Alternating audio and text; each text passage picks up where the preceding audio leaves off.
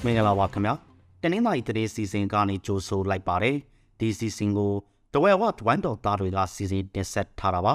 ဒီနေ့ဖေဖော်ဝါရီလ21ရက်နေ့မှာဖြစ်ပေါ်ခဲ့တဲ့တတိအကြောင်းအရာတွေထဲပထမဆုံးတင်ဆက်ပေးချင်တာကတော့တဝဲရှိတော့က3ရက်ကြာတိုက်ပွဲမှာ PDF ရဲဘော်တအုပ်ကြာဆုံးခဲ့ပါတယ်တဝဲရှိတော့ဒေတာမှာဖေဖော်ဝါရီလ16ရက်ကနေ18ရက်နေ့အထိ တို့ရဲ့ဆက်တိုက်ဖြစ်ခဲ့တဲ့တိုက်ပွဲမှာပြည်သူ့ကာကွယ်ရေးပူးပေါင်းတပ်က PDF တပ်စိတ်မှုတအူကြဆုံးခဲ့ပါတယ်။ဖေဖော်ဝါရီလ16ရက်ကဝါဘုံရွာနယ်တိုက်ပွဲ19ရက်နေ့မှာတော့ဝါကုန်းနဲ့သင်္ကန်းတုံးရွာကြားစီဗမတတောင်ကျော်နဲ့18ရက်နေ့မှာတော့သင်္ကန်းတုံးရွာနာမှာတိုက်ပွဲဖြစ်ပွားခဲ့တာပါ။ဖေဖော်ဝါရီလ19ရက်ဗမတတောင်ကျော်တိုက်ပွဲမှာပြည်သူ့ကာကွယ်ရေးတပ်မတော် တဝဲခရိုင်တိုင်ရင်တဲ့တီဝါပုတ်အောစစ်ကြောင်းကတဆိတ်မှုရှဲပေါ်ပူပူကြဆုပ်ခဲ့တယ်လို့ဆိုပါတယ်။တိုက်ပွဲအတွင်းစက်ကောင်စီတာကာရှစ်ဦးလောက်သေဆုံးသွားတယ်လို့ဆိုပါတယ်။ဒီပေါ်က18ရက်နေ့လယ်မှာတော့သင်္ကန်းတူးစွာကနေအချိုးမိရှုခံရတယ်လို့ဆိုပါတယ်။ဒါအပြင်စက်ကောင်စီတာစစ်ကြောင်းကလက်နက်ကြီးနဲ့ရာသားပစ်ခတ်တာကြောင့်ရမစုရွာကမူချိုအရွယ်ကလေးငယ်တူလက်နက်ကြီးကြီးစားထိမှန်ခဲ့တယ်လို့ဒေသခံတွေကပြောပါတယ်။ ပလောမျိုးနယ်ကတဲရွာမှာမိရှုခံရတဲ့နေ160ကျော်အထိရှိလာတဲ့အကြောင်းဆက်ပြောပြသွားပါမယ်။ပလောမျိုးနယ်ကတဲကြီးရွာမှာနေ400လောက်ရှိတဲ့အနက်မိရှုခံရတဲ့နေ160ကျော်ရှိပါတယ်။ပလောပြည်သူ့ကာကွယ်ရေးတပ်မတော်တိုင်ရေးတက်ကယခုရက်ပိုင်းတွင်ပြည်ထောင်ကွင်းစင်ကောက်ယူထားတဲ့စီးဖြစ်ပါတယ်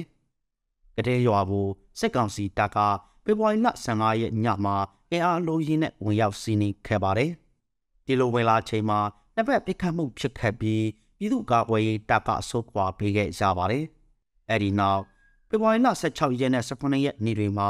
နေရီမီရှုခံရတယ်လို့ဒေသခံတွေကပြောပါတယ်။ကတဲရွာကဘုံတော်ကြီးကြောင်းတစ်ကြောင်းပါဝင်လူနာတင်ရင်နဲ့စိုက်ကယ်တွေလည်းမိရှုဖြစ်စီခံရတယ်လို့ဆိုပါတယ်။ပြောဆုံးနေတဲ့ကတဲရွာကရဟန်းနှစ်ဖားနဲ့လူငယ်နှစ်ဦးနဲ့ဆက်သွယ်မရသေးဘူးလို့ပြောပါတယ်။ ပြည်သူ့ကာကွယ်ရေးတပ်တွေလတော်ကြာထိချုပ်ထားတဲ့ကတဲ့ရွာကိုစစ်ကောင်စီတပ်ကဖေဖော်ဝါရီလ15ရက်နေ့မှာထိုးစစ်ဆင်တိုက်ခိုက်ခဲ့တာဖြစ်ပါတယ်။ဆန္ဒပြမှုအားကောင်းတဲ့လောင်းလုံးပါလူထုတပိတ်လှုပ်ရှားမှုပြုလုပ်ခဲ့တဲ့အကြောင်းဆက်ပြောပြသွားပါမယ်။စစ်ကောင်စီကပြုလုပ်မဲ့ရွေးကောက်ပွဲကိုစန့်ကျင်တဲ့အနေနဲ့လောင်းလုံးမြို့နယ်အတွင်းလူထုလှုပ်ရှားမှုတစ်ခုကိုမနေ့ကပြုလုပ်ခဲ့ပါတယ်။ဖက်စစ်ရွေးကောက်ပွဲတပိတ်မှာ ဖက်ဒရယ်လမ်းကိုရဲရဲလျှောက်ဆိုတဲ့ဘန်နာကိုက်ပြီးဆန္ဒပြခဲ့ကြတာပါဒီလှုပ်ရှားမှုကိုလောင်လုံးမြို့နယ်ဒီမိုကရေစီလှုပ်ရှားမှုတပိတ်ကော်မတီလောင်လုံးမြို့နယ်အခြေခံပညာကျောင်းသားများတပိတ်ကော်မတီနဲ့နေစီအောင်မျိုးသမီးများတမကတဝဲကလူငယ်တွေအမျိုးသမီးတွေပါဝင်ဒေသခံပြည်သူတွေလည်းပူးပေါင်းပါဝင်ခဲ့ကြပါတယ်လောင်လုံးမြို့နယ်ဟာစစ်အာဏာရှင်စနစ်ဆက်ချီရေးဆန္ဒပြလှုပ်ရှားမှုအာကောင်းဆုံးနေရာတစ်ခုဖြစ်ပါတယ်။ ထိုက်တောင်ပိုင်းမှာကားတိုက်မှုကြောင့်မြန်မာလူသားတအူးသိဆိုပြီးရှစ်ဦးတန်ရာရတဲ့အကြောင်းဆက်ပြောပြသွားပါမယ်။ထိုင်းနိုင်ငံတောင်ပိုင်းဖုကက်ခရိုင်မှာမြန်မာလူသမားကိုကိုတင်ဆောင်လာတဲ့ကားတစ်စီးလက်နဲ့ကျုံပေါ်ဝင်တိုက်ရှာကတအူးသိဆိုပြီးရှစ်ဦးတန်ရာရသွားခဲ့ပါတယ်။ဒီပိုင်းနဲ့20ရက်ညကဖြစ်ပွားခဲ့တာဖြစ်ပြီးကားကအရှိမထေးနိုင်ပဲလမ်းလည်ရှိအရှိသတိပေးချက်ဆိုင်ဖို့ကိုဝင်တိုက်ခဲ့တာလို့ထိုက်သတင်းတွေကဆိုပါတယ်။ သေဆုံးသူရဲ့အချက်လက်တွေကိုဆက်လက်စုံစမ်းနေဆဲဖြစ်တယ်လို့ဆိုပါတယ်။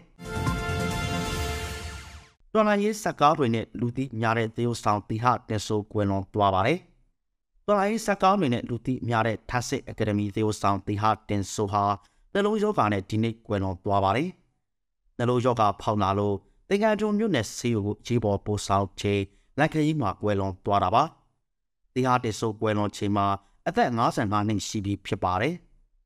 သရုပ်ဆောင်သီဟတင်ဆိုရဲ့စနီးအကယ်ဒမီဇင်မာဦးလည်း2021ခုနှစ်ကအစိုးကင်ဆာယောဂါနဲ့ကွယ်လွန်သွားခဲ့ပါတယ်။နောက်ဆုံးတစ်ပုတ်အနေနဲ့နားစေရမှာကတဝဲမှာကြက်သွန်ဖြူစေးပြန်ကျသွားတဲ့အကြောင်းဖြစ်ပါတယ်။ကြက်သွန်ဟောင်းပြချိန်ကအတက်ကြမ်းခဲ့တဲ့ကြက်သွန်ဖြူစေးဟာဖေဖော်ဝါရီလဒုတိယပတ်ကစပြီးဈေးပြန်ကျလာပါတယ်။ဈေးကွက်ထဲကြက်သွန်ဟောင်းပြချိန်ဖြစ်တဲ့ဒီဇင်ဘာလပထမပတ်ကစပြီး တပိတ်တာကို9000ကျထိဈေးတက်သွားတာပါအဲ့ဒီနောက်ကျက်တော်တဲ့ဈေးကွက်ထဲဝင်လာတဲ့ဖေဖော်ဝါရီလ10ရက်နောက်ပိုင်းကစပြီးကျပ်6000အထိဈေးပြန်ကျလာပါတယ်။ကြက်ကောင်ဖြူအပြင်ကြက်ကောင်ဒီဈေးလည်းဆက်တိုက်ကျနေပါတယ်။ယခုနှစ်ဒီဇင်ဘာလကကြက်ကောင်ဒီတပိတ်သားကိုကျပ်9000ဒီပါအထိဈေးတက်ခဲ့ရာကအခုဆိုရင်1500ကျပ်ဝန်းကျင်ပဲဈေးရှိတော့တာပါ။